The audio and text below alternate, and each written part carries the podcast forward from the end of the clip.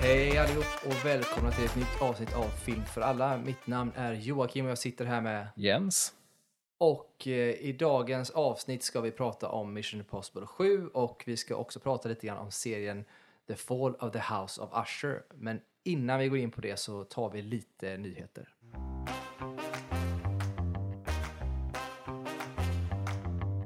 Ja, och eh, nyheter den här gången, eller nyheter, jag ska säga att det här är lite tips snarare på saker som kommer, ska vi börja med. Mm. Nämligen Netflix eh, har en del grejer på gång nu i höst. Eh, så att vi kommer bara nämna fem stycken eh, ja, av deras filmer som kommer som man kanske kan ha nytta av Mm. under hösten. Och eh, vi börjar med nummer ett. Det är en film som heter Pain Hustlers. Den kommer den 27 oktober, det är alltså närmaste tid då. Eh, Men ja. det var den eh, baserad på något riktigt va? Eller? Ja, alltså det är ju oklart. Det vet jag faktiskt inte hur det är. Nej, det är den med eh, Chris Evans va? Ja, exakt. Just det. Så att det är Chris Evans eh, som spelar i den tillsammans med, som jag inte kommer ihåg vad hon heter nu. Ja, skitsamma. Men det är David Yates som eh, eh, regisserar i alla fall. Eh, och han har ju varit och gjort både Harry Potter och lite Fantastic Beasts, eh, David Yates. Men Ja. nu ger han sig in i det här då. Som handlar om en, eh, en kvinna som heter Liza som drömmer om, bet- om en bättre tillvaro för sig och sin dotter. Så får hon då jobb på en farmaceutisk startup. Eh, ja, och upplever framgång. Men sen så börjar ju problemen då när, när det helt plötsligt knackar på hennes dörr. Det är ingen thriller men det Det låter som det är, liksom som en, eh, det är lite mer som en drama komedi Ja, variant, typ det trailern var. Eh, då. Så att, eh, det kan vara ett tips för alla när den kommer den 27 oktober. Ja. Nummer två på listan, kanske en av dem jag ser fram emot mest, eller den jag ser fram emot näst mest på den här listan, är The Killer. The Killer, ja den vill jag... David Fincher regisserar, Michael Fassbender spelar huvudrollen då. ehm, som ber- berättas, den är också baserad på en serietidning tror jag, eller något sånt där. Eh, Eller en graphic novel eller något liknande, eller om det är bara en, en novell. Men, Ja, eh, ja, ja, graphic novel kanske det var. Ja, men jag tror att det är det, men Det är jag är säker. Ehm, och här är det ju då en film om en lönnmördare helt enkelt, alltså en killer, som ja, blir jagad av andra lönnmördare. Vi ska inte sp- spoila, spoila vet jag inte. Jag kan vi inte göra, vi har inte sett Nej, jag vet inte vad, vad, varför han blir jagad heller, men det är ju nå- någon grej i det med att han gradvis håller på att förlora sitt förstånd på något sätt i det här också. Och så blir han samtidigt jagad av, Mm. och det har att göra med massa så här paranoia, vem tar vem och sådär. Så att, ehm, och just det här som jag alltid gillar med sådana typer av filmer, att den utspelar sig på en global skala. Så det är liksom, Mm. man reser runt och sådär. Det, det är det som man gillar med typ Bondfilmer och sånt, Ja. man åker runt. Så att, eh, den eh, ser jag verkligen fram emot och den eh, kommer den 10 november så det är ju inte alls långt kvar, Nej, tänker jag. gött. Ja, jag ska också säga att det kan ju vara så att, eller det är så att Pain Hustlers till exempel, den har ju redan kommit när det här avsnittet sänds. Mm. Eh, The Killer är lite oklart däremot. Förmodligen inte. Förmodligen inte. Eh, den tredje eh, filmen, den här är baserad på en bokadaption. Eh, och det är ju Leave the World Behind. Av, eh, regisserad av Sam Esmail. Ehm, Vilken är det? Nej, men det handlar om en familj på semester som he- helt plötsligt hamnar i en kris då när all elektronik slås ut av en cyberattack. Jaha. Och eh, de blir tvungna liksom då, jag, jag tror att de, man ser i trailern att de tar sig till ett hus och är där. Och så blir det massa komplikationer då. Men jag tror att det är typ Ethan Hawke. Ja, just det. ehm, Ethan Hawke. Det är därför jag känner igen det. Jag såg en trailer tror jag Ja, på det. precis. För jag har också sett trailern till den. Och den verkar ju vara en drama-thriller-aktig variant. Det är svårt att säga. Trailern tycker jag inte avslöjar jättemycket Nej. om hur, vad det är för typ av film. Eh, så. Men den verkar ju ha ett, ett spänningsmoment i Ja. sig och sådär. Eh, och det är det alltid ju inne med undergångsfilmer. Eh, så att, och den kommer då den 9 december. Mm. Så det kan man se fram emot. Sen har vi eh, en film, nästa film som kommer ut här som vi ska ta kommer den 20 december och det är filmen Maestro. Med, med och regisserad av Bradley Cooper. Där han spelar Ja, den, Leonard ja. Bernstein, den eh, kända eh, kompositören.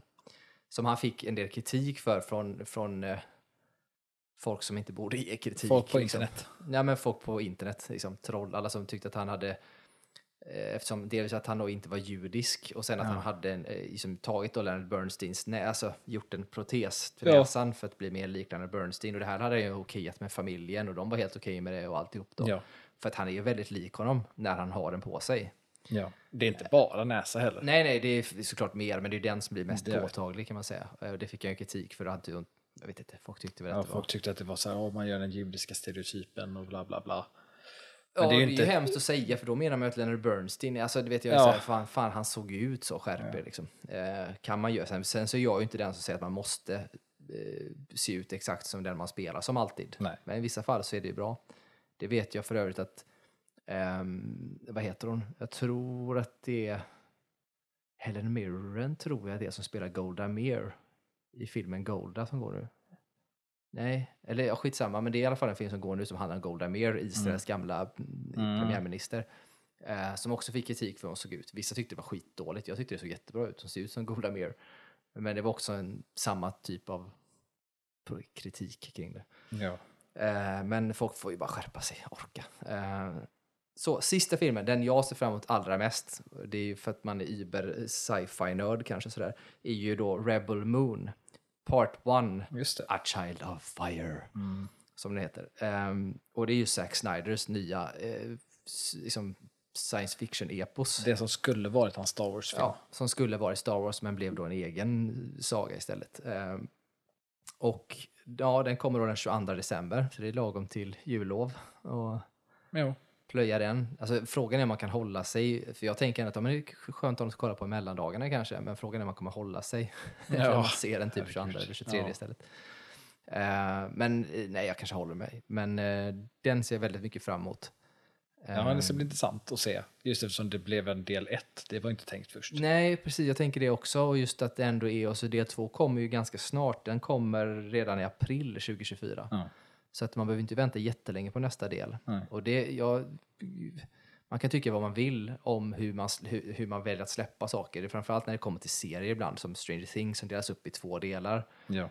Eh, det kan man ju tycka är störigt och så vidare. Då. Eh, och samma sak med filmer. Men jag, just i det här konceptet med Netflix-film så tycker jag ändå att det liksom en, en i december och en i april, det känns rimligt. Hade det varit ett år senare så hade det känts drygare. Men det är ju liksom, det är det vanliga. Ja. att, eh, jag blir bara glad att det kommer så tätt inpå. Mm.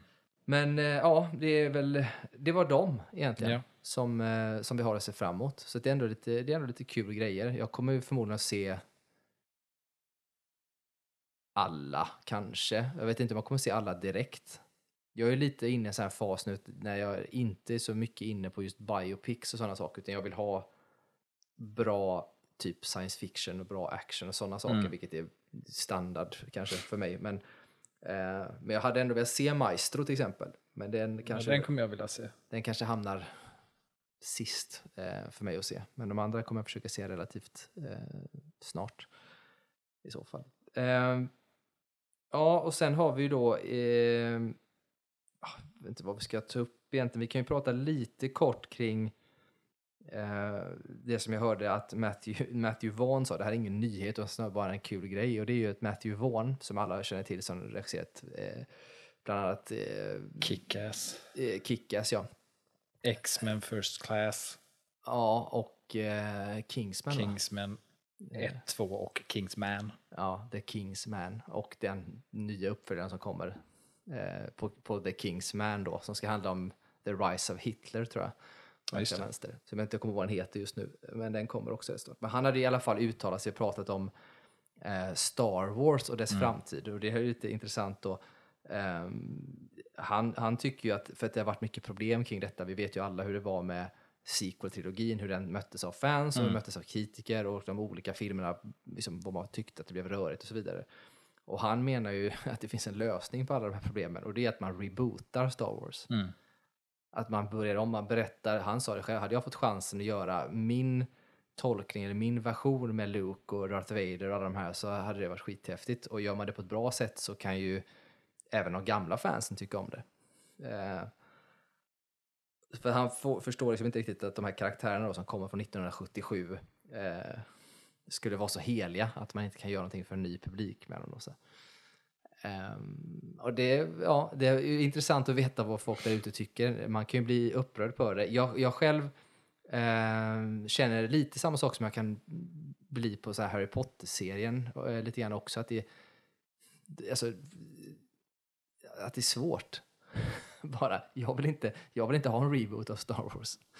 Men, ja, men alltså, jag, jag, fattar, jag, jag fattar hans uh, mening. Och jag kan också se en alltså en viss eh, logik i att man skulle reboota Star Wars. Um, alltså dels utifrån ett, att det är rörigt eh, egentligen med allt som släpps och att det blir liksom saker som är liksom ska koppla ihop lite för mycket och sånt där och det kan vara svårt för att få in ny publik i det alltid. Um, så det kan jag förstå. Uh, sen kan jag också förstå för att alltså originaltrilogin, det, det jag läste som han sa var ju att det han tycker att Star Wars är Skywalker. Liksom. Um, och alltså jag kan se, för att jag vet att jag har ju alltså pratat med folk som är yngre och sen folk som inte har växt upp med Star Wars, eh, som både är äldre och yngre än mig själv.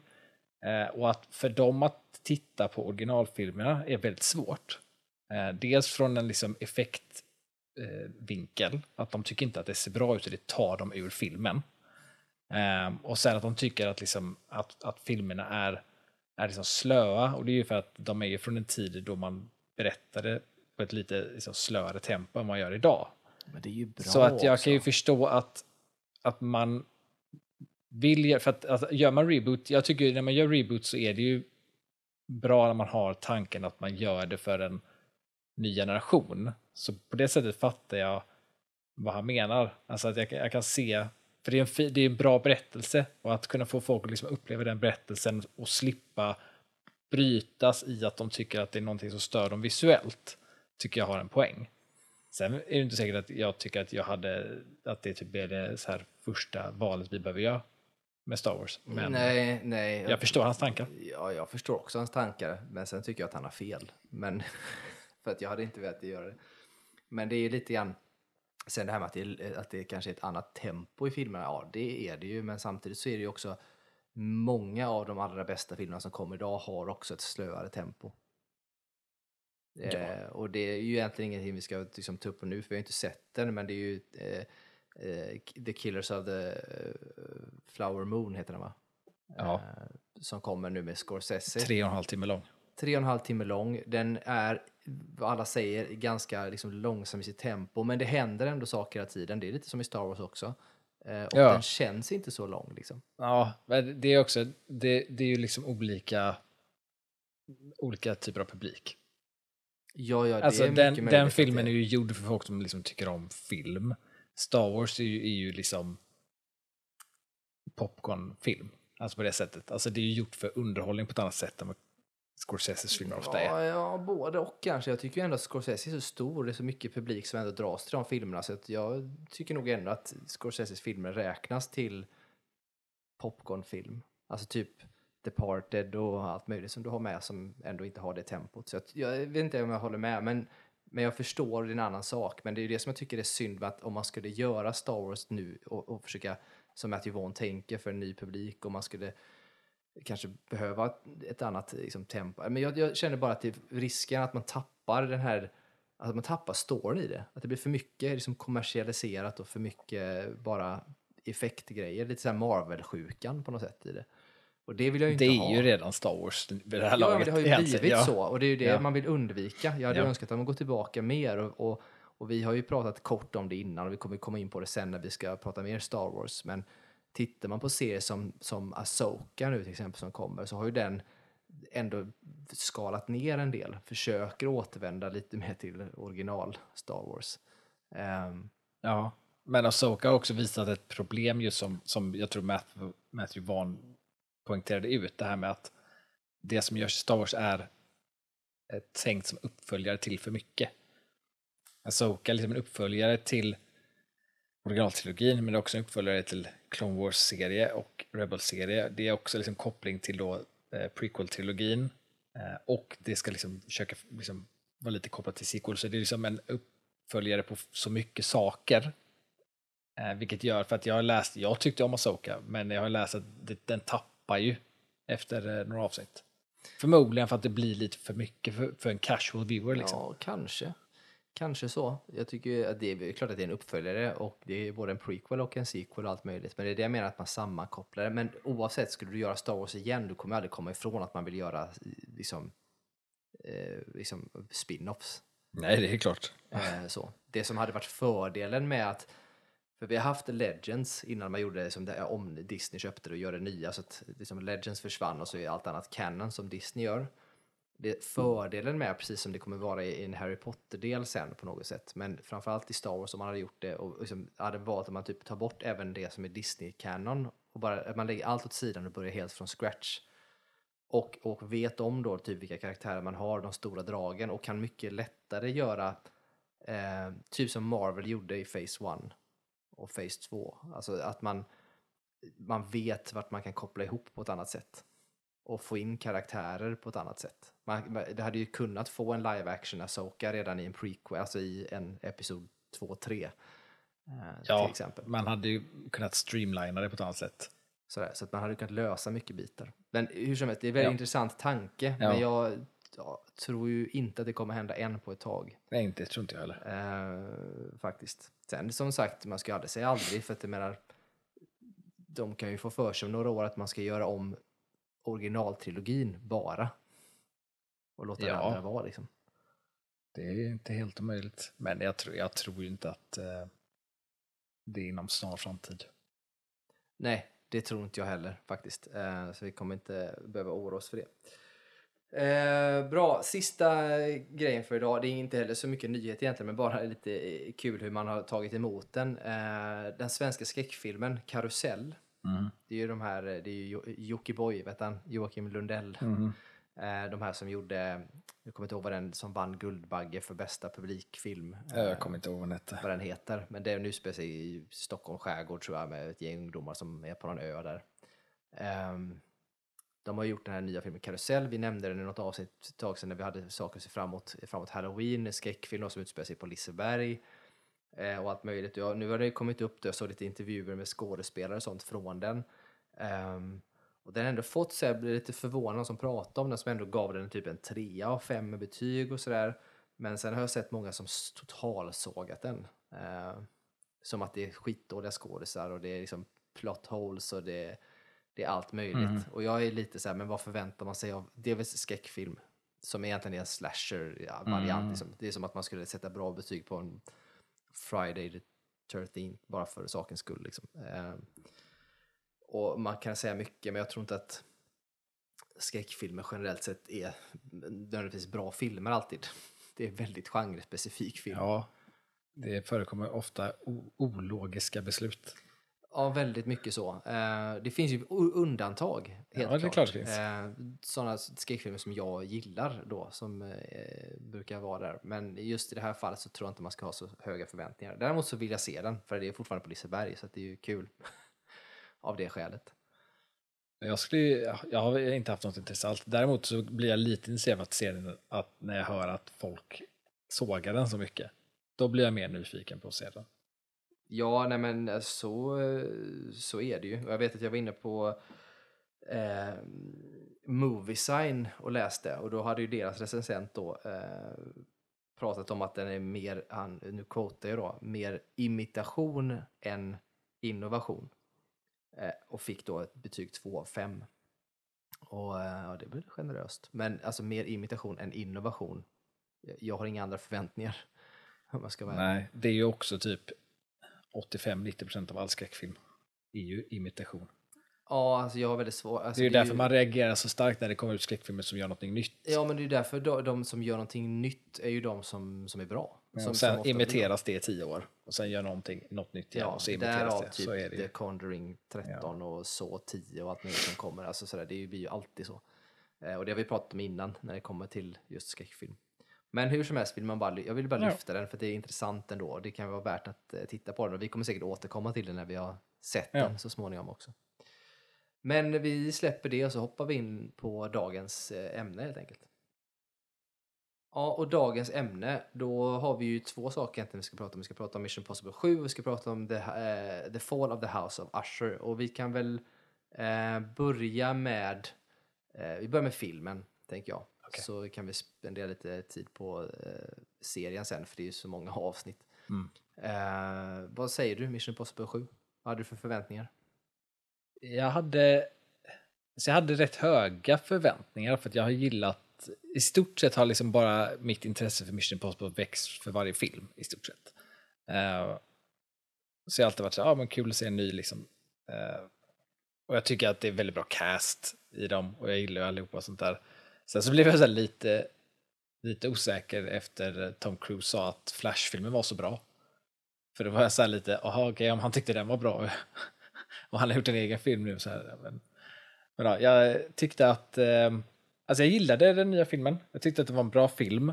Eh, mitt största problem med den är att det är en del ett av två. Eh, för det känns inte som en, en egen film i sin helhet. Och det är det jag har gillat med Mission Impossible, är att man alltid så här kunnat se en story från start till slut varje gång. Nu var det liksom start till mitten. Och så får vi vänta på nästa del. Det kändes inte som sin egen film. Det var mitt största problem med den. Ja, nej, jag, jag eh, håller med. Det var nästan lika eh, illa känsla som när jag såg eh, eh, Fast X, Ja, var det va? Som var sist. ja Fast X. Ja. Ja. Som också slutade i så här där den borde fortsätta egentligen. Ja.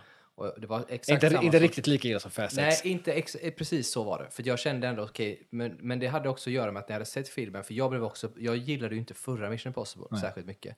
Så att jag hade väl förväntningarna var väl sådär, men jag hade hört gott om den, så jag tänkte ändå att ja, det kommer säkert vara bra. Och den var bra, den var riktigt bra. Eh, liksom bra det var liksom inte överdrivet med, med skämt och det var en bra action, det var hela tiden någonting som hände som de var tvungna att göra. Och, det höll uppe tempot väldigt väl hela tiden och stakesen var bra och sådär. Eh, och The Villain är skitbra. Det är en sån i tiden villain så att det är skitbra. Eh, vilket jag var nöjd med för att jag undrar också om de ska använda som villain. Liksom. Eh, men sen var det just det här med att jag kom på mig när det började närma sig slutet. För jag satt och tänkte att det är en bit kvar. Och sen helt plötsligt så kom jag på att vänta nu, det är det ju nog inte. För att det kommer ju vara en tvåa som kommer. Ja. Så förmodligen är den slut och då blir jag tvungen att tjuvkika lite. Ja visst, och visst var det tio minuter kvar. Mm. Så att, och då, blev jag, då fick jag landa i känslan på att jag kom, nu kommer det liksom vara. Eh, men precis den känslan på att det känns som att den, eh, för den är relativt lång, så här två drygt timmar lång. Men ändå känns det som att den hade kunnat, alltså det hade kunnat vara Den är ju dubbelt. nästan, nästan två och en halv, tror jag den var. Ja, men något sånt va. Eh, och den hade ju på riktigt kunnat vara det dubbla. Jag hade ju hellre sett Ja, den, känd, den det- kändes inte speciellt lång. Nej, den kändes inte alls Nej. lång. Och när den var där så var jag så att jag kan fortsätta titta. Jag hade kunnat sitta Ja. de liksom två och en halv timme till egentligen, men jag fattar att det är inte kommersiellt gångbart att göra Nej. så. Men, eh, och, och så det störde mig. Nej, men det, det, är, det är ju sånt som för mig får mig tycka att det är, liksom, det, det är fortfarande en, en bra film. Alltså rent alltså dramaturgin i den och hur, hur liksom de bygger upp plotten och, och vad stakesen ska vara och, och få en liksom framåtrörelse i filmen tycker jag de gör väldigt bra. Det är bara synd att det är liksom storydelen av det är bara halva storyn. Däremot så är den, det är fortfarande väldigt, alltså, som, när man tänker liksom i, i de olika delarna av filmen så är det liksom, det är fortfarande liksom en tydlig akt 1, akt 2, akt 3. Eh, och jag tycker att det liksom hamnar snyggt i, i akt 3 och akt 3 är väldigt bra. Eh, och bygger upp mot liksom ett, ett, ett intressant slut. Det är bara synd att man står där och bara, ja men jag vill ju fortfarande se resten. Man hade ju velat ha tvåan och sätta på den direkt Ja. typ. Och då, tänkte jag verkligen sen när jag, när jag såg att fan jag skulle ju sparat det till, till tvåan kom så man kunde sätta allt i ett svep. Men det Ja. gör man ju inte för det, det är inte så att det kommer i övermorgon direkt. Men så det var synd. Jag håller med dig annars för att jag tycker att det är en välgjord, för det är ju allt är snyggt gjort. Den är ju välspelad, det är en bra, eh, liksom, det är en bra cast, det är en bra story. Eh, den håller sig, det är en bra, liksom, akt 1, akt 2, akt 3 är bra. Den knyter ihop det trots att det känns som att man vill se mer. Så gör den ändå, den rundar av på ett snyggt sätt. Så det finns ju fortfarande de här point of no return och eh, liksom att man liksom raise the stakes lite grann och de här bitarna. Det finns med alla de sakerna. Och jag som var nöjd på det sättet. Så det enda som är störigt är att inte man kan se tvåan direkt. Sen är det eh, en liten, nu har i och för sig den här filmen varit ute ett tag så lite spoiler får man väl vara. Eh, men en spoiler är att jag eh, ha- hatar att de eh, dödar Rebecca Fergusons karaktär. Ja, Sen är det ju ehm, Mission Impossible, man vet ju aldrig. Men så, Nej, som, det, så som det verkar Ja, så är hon ju Troligtvis så är hon ju, är hon ju borta. Ja. Och det, det, det som stör mig mest med det, eh, och som jag kan bli lite trött på, eh, det har varit så i nästan de andra filmerna också, men det har varit väldigt påtagligt nu sen Rebecca Ferguson kom in i filmerna att hon är liksom ändå ett kärleksintresse för Ethan Hunt, fast de är jämbördiga och de Mm. har en, liksom en respekt för varandra men de typ tycker om varandra lite mer. Men man får liksom, det blom, blommar liksom aldrig ut riktigt sådär, men det, det finns där. Och, ehm, men jag stör mig ju, alltså det som stör mig är att man, att man direkt ersätter henne Ja, med en både en, en, en skådis och en karaktär som typ är likadan. Inte riktigt, det finns skillnader. Men det är liksom att man ersätter en med en annan och direkt så hoppar ju hans, liksom alla känslor och sånt som man hade för, för Rebecca Fergusons karaktär, eh, Ilsa. Mm. De, jag, jag upplevde lite grann som att det nästan hoppar direkt över till den nya karaktären.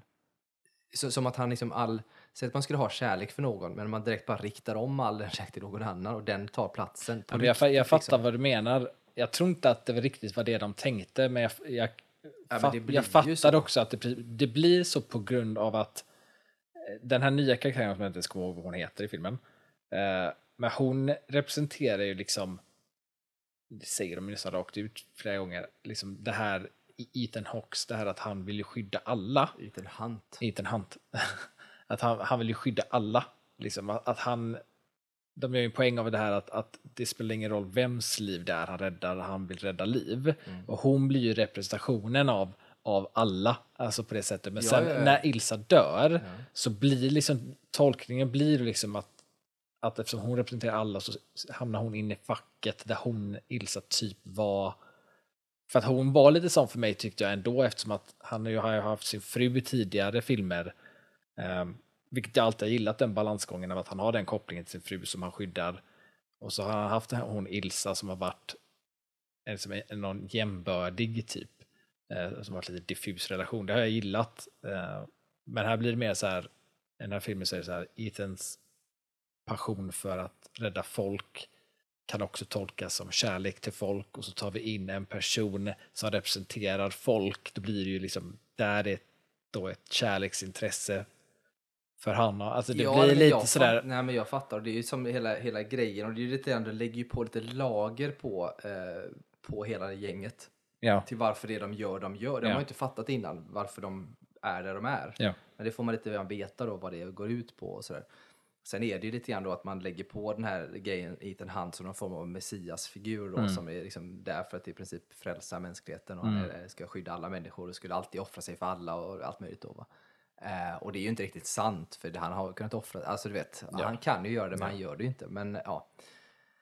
Eh, men, men det blir ju fortfarande, för jag håller med, de bygger upp det väl så att man fattar att hon får representera det. Men just i och med att hon försvinner Ja. det kommer in och att de också spelar i och med att de har ju samma liknande bakgrund med att man inte riktigt vet om de är onda eller goda först. ja Och det, det är lite repetitivt, det blir lite samma och, sak. Ja, och sen så kommer hon in och så tar hon Ilsas plats Ja. ganska omgående sådär. Så att det känns väldigt likt. Och det är väl enda som jag kunde lite grann störa mig på. Ja. För jag tycker att Ilsa, när man ändå byggt upp henne, är en väldigt intressant karaktär. Och Ja, alltså, hon var en av mina favoriter. Ja, och det kan säkert den här nya också vara. eh, men varför bygga upp det igen? Jag hade hellre velat ha kvar henne. Och in med den nya också. Ja. Men, men för jag tycker ändå att det har varit intressant att se dynamiken mellan de två eh, kvinnorna då. Och som är båda i det här gänget. Istället för att det ska vara massa gubbar och så en tjej liksom. Det känns ju också lite som att eh, de vill på något sätt igen göra någon form av spin-off på Mission Impossible. Eller typ göra något nytt med det. Som de tänkte göra när de gjorde fyran. Ja, och tänkte ta in, eh, för att de lägger ju upp henne väldigt väl som att hon ska bli en ny agent. Liksom. Ja, ja, så är det ju. Så att eh, man får se vad deras plan är. Eh, däremot så gillar jag saker som jag tyckte om med den, vilket jag också är någonting jag gillat mer och mer för varje film som jag gillade lite extra med den här är, är lite mer, som jag säga, eh, alltså svar och hints till hela mytologin kring, kring liksom eh, där Impossible, Impossible Mission Force eller vad de heter, IMF. Eh, och hur liksom det här med att de, bara får, att de får ett jävla- val. Det är ett sånt jävla töntigt namn bara. Ja, jag det är ett säga det. Men att de liksom får ett val. eh, Och att de alla varit liksom i en position någon gång då de bara fått ett val. Och, så, och sådana där saker tycker jag är kul. När man bara lägger till små saker i, i mytologin kring allting. Liksom. Eh, Ja, och jag. inte ju- ger för mycket svar utan man bara ger hints till Nej, men det. precis. lite, Det är ju som man pratar om när vi pratar John Wick-filmerna. Ja. Där de också lägger in massa lore och saker kring men behöver inte förklara så mycket mer och att det ligger små pusselbitar hela tiden. Det som är mest intressant med detta är att de gör det så sent in. ja. I, liksom, i, I film 7 börjar de Ja. komma in på det. Sen så blir jag så nöjd för att det är första gången i den här filmen som de faktiskt påtalar när de kallar sig själva för IMF. Mm. Och IMF för mig och för de som är kanske insatta hyfsat i politik och sådär är ju The International eh, Monetary eh, Foundation. Ja, det står för. ja. Alltså vilket är den internationella valutafonden. Ja. Ehm, och det har varit så här, men och, varför säger de IMF? Det blandar man ju ihop med varandra. Det var ju väldigt märkligt att ha den. Och det, det, det säger de ju här, Ja. IMF, och så frågar man, vadå internationella? Nej, nej, utan Impossible Ja. Mission Force då. Så det, det var, jag tyckte det var skönt att de bara acknowledgade att det, det, Ja. det finns ett, det här också i den här världen. Liksom. Sen kan jag tycka någonting, för att någonting som alltid blir så stort med de här filmerna är ju det här att, att Tom Cruise gör så mycket stunt själv och så är det ofta ett, så liksom ett eller två stunt som är så här, den stora grejen för filmen. Sa, saken just den här filmen var dels att det var liksom det stora stuntet var väldigt sent och jag tyckte inte riktigt heller det byggdes upp inför det. Så att det var lite så här, okej men varför då liksom göra så stor sak av stuntet liksom i marknadsföringen. Sen så tyckte jag, för jag såg... För Eh, att han kunde ha dött, det är därför. ja, men, eh, men jag såg en... Eh, vad heter de nu igen på eh, YouTube? Eh, Corridor Digital, som är, jag följer. Som är så här, de gör effektfilmer och sånt där Mm. på YouTube. Eh, och de har en sån här där de bryter ner effekter med eh, effekt, riktiga liksom visual Mm, effects mm, artist eh, och även animation och sånt där. Men då, där sitter de och just poängterar liksom, eh, kring eh, och tar upp det stuntet eh, och, och tyckte liksom kring liksom hur, det, hur det gjordes tar bort lite från, för det som är grejen med stunten i de här är att det, ska ju, det känns som det är på riktigt. Så när man tar det här från, om det är femman eller sexan, han hänger utanför planet, Jajamän. den känns ju. För att där hänger han, visst han är fastspänd, men det, han gör ju det. Liksom. Och i stort sett allt vi ser där är det vi ser. Det är liksom saker som har målats bort lite grann, men det är det vi ser. Men någonting jag tänkte på just med det här stuntet i den här, som de också på, påpekade, var det här att när han gör den här rampgrejen och åker ner för det här berget, alltså hela det här berget är ju digitalt eftersom att rampen är ju där egentligen. Vilket för mig märks när jag såg filmen. Det kändes fake.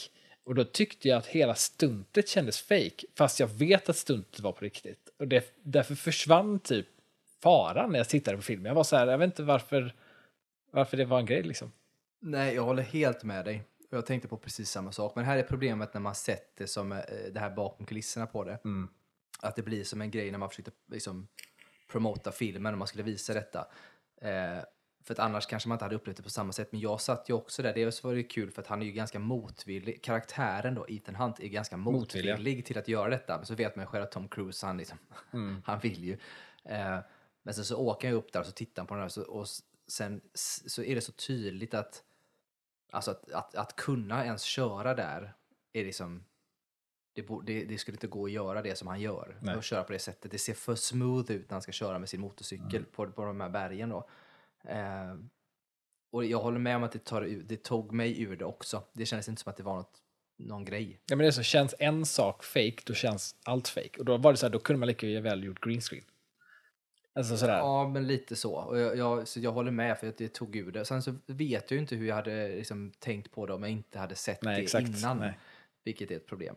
Ehm, så det, men den är ju inte... Alltså jag fattar att det är liksom ett coolt stunt och det är häftigt att han gjorde det liksom som vanligt. Ja. Och han kunde ju verkligen ha dött för Ja. att han faller ju ner och Ja. öppnar inte shooten så är han ju körd. Liksom.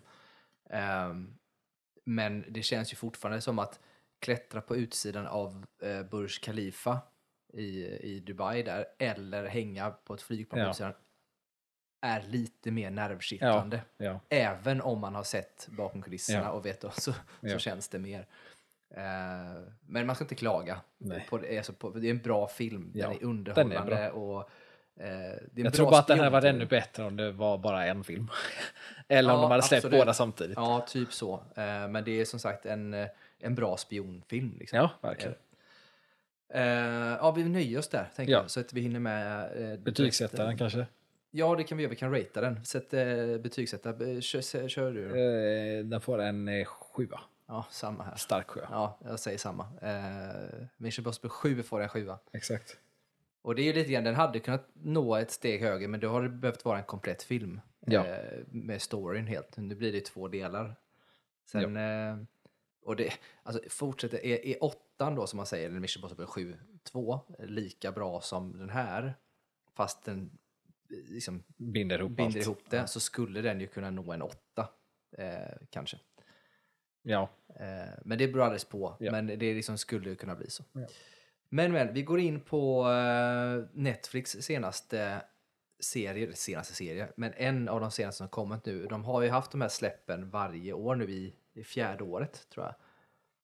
Eh, Jag tror det. de, det är ju typ som, det är inte antologi, alltså det är inte antologiavsnitt, men det är däremot så är det antologi, vad ska man säga, serier. Ja, för det är, det är samma- samma, skådisar. samma eh, sk- Skapade också. samma skapare. Det är inte alltid samma skådisar, men vissa skådisar Ofta är det ju många som åter... Ja, vissa kommer. återanvänds och sådär. Eh, Den här säsongen var det ju, ja men det var hyfsat många, men vissa var ju lite nya och så också. Men jag hade ju missat... Han har gjort tre andra år innan, eftersom det här är fjärde. Jag har ju inte sett den tredje. Vilken var den tredje då? Jo, men det är ju, Jag kommer inte ens ihåg vad den heter. nej, men det är ju på den här ön med kyrkan och Ja, just det. grejer. Den har inte ens jag sett. Jag hade missat den totalt. Ja, den har jag, jag har ju sett alla dem. För där såg jag att det var några från den som var med i nya. Ja, exakt. Exakt. Det var det, de jag tänkte på, för de var ju inte med i de andra som... För Haunting of Hill House och den här The Man Haunting Mansion, vad hette. De här två första, de har jag sett. Jag kommer inte ihåg vad de heter. Haunting of Hill House heter första och Just den det, andra heter Haunting of of eh. Bl Bly Manor. Ja, just det. där. Just det. Bly Manor, ja, heter den. Eh, för den första, är, The Haunting of Hill House, det är USA, va? Ja. Bly Manor är i Storbritannien eller Ja, England. jag tror det. Och sen så är det den tredje då som är den här Island, eller lilla ön, en amerikansk ö där det typ finns en, vad kallar det för en sekt kanske eller liknande som Mm. finns på den här ön. Och sen är det då den här. Mm. Det, så det är liksom olika eh, skräck, och de är baserade på böcker ofta och så vidare. Den här The Fall of the House of Usher är ju en, eh, en Edgar Allan Poe eh, adaption för, egentligen. Och sen så vet jag, jag har läst lite grann om det och kring det och sådär. Och det är ju verkligen en löst baserad på, eh, på Edgar Mm. Allan Poes då. Men eh, aj, som sagt, och de går ju. Och saken är så att jag satt och tittade på den och så får jag precis samma känsla som jag får på alla de andra jag har tittat på. Att jag mår typ dåligt och jag vet inte om jag tycker att det är bra eller inte. Men av någon jävla anledning så tittar jag på den då. Och jag kan inte, inte riktigt, det finns ingen, ingen motsvarighet till det, där jag tittar på det. För jag, man vet ju typ hur det kommer sluta. Och man vet Ja. vad som kommer hända, alla de här bitarna. Men ändå så våndas man igenom detta. Och jag kan inte förstå varför. Sen, alltså, varför man gör det. Alltså egentligen så vill jag ju inte, men jag gör det ändå. För att någonstans så är det ändå bra. Ja. Vilket jag stör mig på. Du kanske kan förklara, eller vad känner du när du ser det? Liksom? Alltså jag, jag, jag gillade ju den här nya. Ehm, Jag Ja, det var bättre än jag, förra, jag har jag säga. gillat de eh, två andra som jag sett också. Men det, alltså det jag gillar med dem är att det är lite som att liksom läsa typ en så här mysterienovell på något sätt. Ehm, att, att det är ett mysterium, men det är liksom inte, mysteriet i sig kanske inte fokuset, men det är ändå ett mysterie i det. Ehm, och att, att det är lite det är mörkt och det liksom handlar mycket om så här psykologin hos individer och hur det funkar i samhället. Det är mycket kritik i dem. Ehm, vilket gör att jag, de känns intressanta och fascinerande att titta på. Det är lite som att titta på någon form, just den här tyckte jag var lite som att se typ någon form av experiment nästan. Um, Ja, typ. så här mänskligt psykologiskt experiment av något slag, typ så här representerar så här olika Det delar alltså, psykologiskt av hjärnan. Rent Typ. krasst så är det ju typ ett Ja. experiment. Vem som genomför experimentet säger jag inte, men det, Ja. det får man se när man ser serien. Ehm, och sen är det ju, just den här var det också, nu kommer jag inte ihåg de andra extremt, men den här var det också liksom ändå, eh, alltså, religiösa slash övernaturliga grejer i det som också liksom talar till liksom hela mänskligheten och sådär. Eh, sen tror jag något som de alla också har väldigt väl är ju att dels att det är väldigt bra skrivet tycker jag eh, och välplanerat. Eh, känns liksom som att det är väldigt eftertänkt från avsnitt 1 till avsnitt 8 eller vad det är. Sen också att de är, de är välcastade, de här serierna.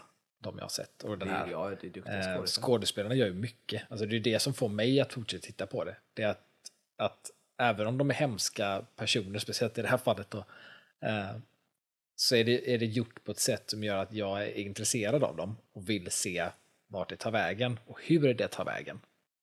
För vi vet ju, i den här serien så vet vi vart det slutar. Ja, men det är ju det att man vet ju, alltså i det här, det var det som var hela grejen, för man vet ju ändå typ vart det är på väg. Delvis så finns det två ja, saker. men det, det, det är ju det, man vet vart det är på väg, men man vet inte hur eller varför. Och det är de två frågorna som får, får en att titta. Ja, och det är ju bara hemskt egentligen. Liksom. Mm. Se den misären. Men jag förstår precis vad du menar. Det är väl det jag känner också. För jag tycker någonstans ändå att det är bra. Mm. Det gör jag. Um, men sen så är det som att, som man ändå vet, för det finns ju som sagt två problem som jag kan tycka. För första serien som gjordes, alltså för fyra år sedan då, var ju, då visste man inte formatet riktigt. Nej, nej. Så då fanns det ju en Då var det nytt och fräscht. Ja, men då fanns det en mystik i det hela tiden. Men sen så kom tvåan och så kom trean och så är det typ samma grejer varje gång. Alltså, mm, mm. Man vet att det är någon typ av liksom, misär, man vet att det är lite twist, det är lite så här. Ja. Eh, vilket gör att man går in i det och vet att det kommer vara så och vet att det kommer vara jobbigt. Det är den grejen. Mm. Och sen i den här nya säsongen, när man sett två eller tre avsnitt, då förstår man vad resten kommer handla om också. Mm. Då kan man lika gärna hoppa till sista avsnittet. Om man då inte vill se den här misären. Liksom. Och det är det som gör att det är det som är så svårt att förstå, att jag ändå tittar på dem och väljer att göra det när jag typ ändå vet vad som kommer hända. Liksom. För det är inte jättesvårt att lista ut det. Men det är väl det här, för det är sjukt bra skådisar och det är, man undrar det finns framförallt en karaktär som är mystisk då mm. i det här. Som man, det är ju den som har det kvar en mycket, att man vill förstå vad det är. Ja, för att i ehm. början också, alltså första halvan av serien så är det ju inte heller eller det finns fortfarande tvivel om hon är övernaturlig eller inte. Första halvan. Ja, ja, Vilket gör också att, att man så här, ja, är det, kommer det vara liksom ett, en övernaturlig svar eller inte? Men det jag tyckte var, alltså jag hade, jag tycker, eller jag hade, tror inte man hade kunnat liksom egentligen, så här, om man inte vill se misären, så här, se slutet. Eh, för att jag tror slutet gör sig på grund av att man har sett allting.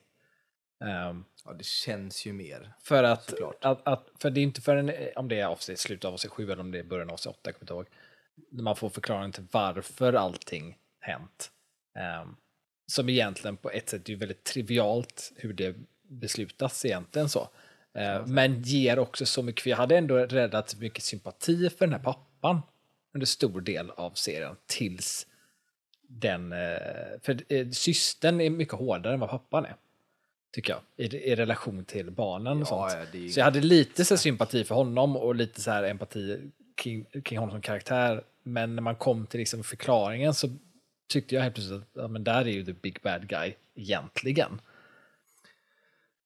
Ja, ja, jag kan hålla med dig till viss del. Samtidigt blir jag ju också lite så här ifrågasättande och det hade ju mer att göra med med alltihop egentligen. För att de får ju ett, liksom ett ultimatum. Eller så här, ni får detta men då kommer liksom det går som det går. Mm. Så här, utan, vi ska inte spoila, det är svårt att prata om det utan att spoila, det blir bara liksom massa fluff. Men det som är grejen är att jag blir ju lite ifrågasättande till den dealen de gör. För jag säger att ett, tror man att det är sant på riktigt och sen när man gör en sån deal så tänker man ju kanske inte på att det måste vara fruktansvärt hemska död, eh, dödar som folk går till mötes. Utan mm. mer så att ja, när det är dags så, så bara dör man. Liksom. Mm. Men så är det ju inte, utan det är det här Men det är också, som kommer till. Det är liksom. ju det som jag tyckte var så intressant med det, för det kommer jag ihåg att jag tänkte på, så här, varför vissa eh, dör så hemskt.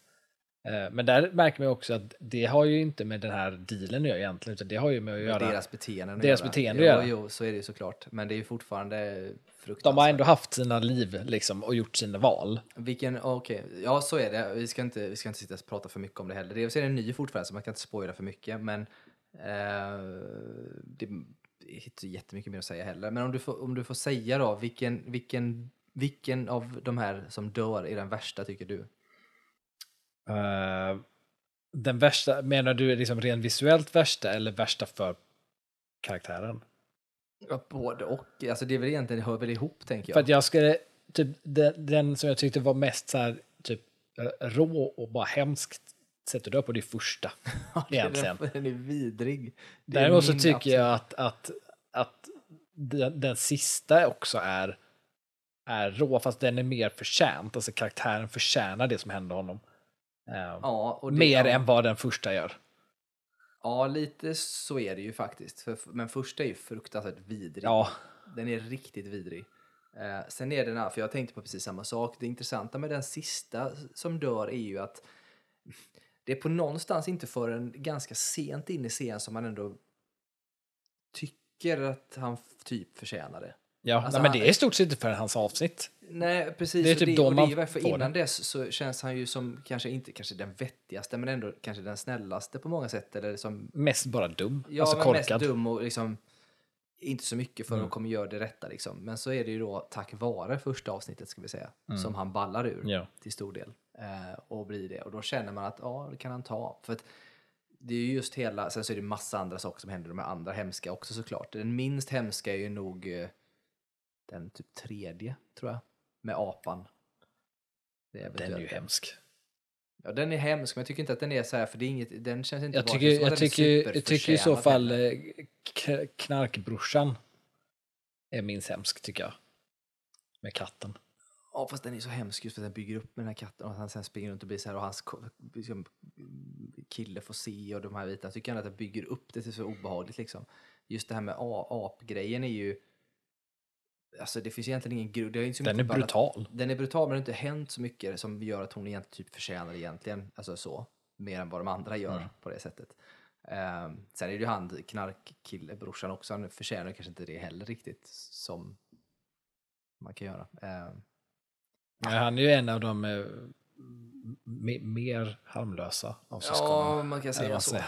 Men just det, här, så att det, ja, men det är obehagligt. Men första är den absolut obehagligaste och sen den sista är ju kanske mest obehaglig för att man är medveten då. Alltså om vad... Alltså man Ja, det är bara han kvar då. Ja, och, Eller ja, det är ju tekniskt inte bara han kvar. Men, nej, men av han är, ju med, han är ju medveten, eh, kan inte göra så mycket åt det Nej. när han, när han hamnar Vilket där. är- Han får bara ta det. Liksom. Och det är ju hemskt. Men, Ja. Och det är, det är ju en poetisk rättvisa i det såklart. Eh, Men eh, ja, Ja, det är, det är flummigt, det är svårt att prata med i en podd utan att säga allt vad det är. Så det blir lite, så här lite flummigt när man lyssnar på oss kanske. Men, eh, men ja, ty, tyvärr säger jag väl då att den är rekommenderad ändå. För att den är bra. Jag rekommenderar Och, den eh, verkligen. Jag, jag gillar också så mörka, konstiga serier. Ja, men just alltså, jag tänker just nu när det är så här, vet, hösten kommer, det är mörkt, det är halloween och andra Ja. saker, så är den perfekt. Ja. Det är en perfekt att, att bingea den, eh, vilket jag gjorde. Så att, eh, absolut rekommenderad. Ska man sätta något betyg på den, alltså på helhet som serie? Tänker jag då. Ja, hel, helhet. sexa.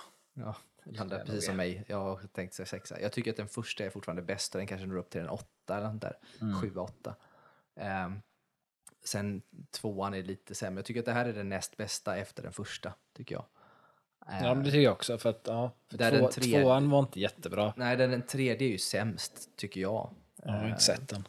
Nej, men se den. Det var intressant att veta vad du tycker. För att den, eh, som sagt, tycker jag nästan är den sämsta. Den, är, sen är tre, den tredje är lite, kanske lite mer annorlunda från de Mm. andra på ett sätt och har ett lite annat liksom, take på det. Så att på det sättet kan den ju kännas lite fräsch, men den har också lite... Alltså det blir väldigt, det är en väldigt lång transportsträcka i den. Mm. Och- och Minns jag det som, nu var det ett tag sedan jag såg den, men sen helt plötsligt så bara, du vet, sista avsnittet så bara allt på något sätt. Då. Så att, ja. ja men kul, sex eh, säger jag också. Eh, bra, men Yes. det var väl egentligen allt för denna gången så att vi inte håller oss eh, för långrandiga helt enkelt. Ja. Så eh, ja, tack för idag, tack för att ni lyssnade och eh, ha det fint så länge. Ha det bra.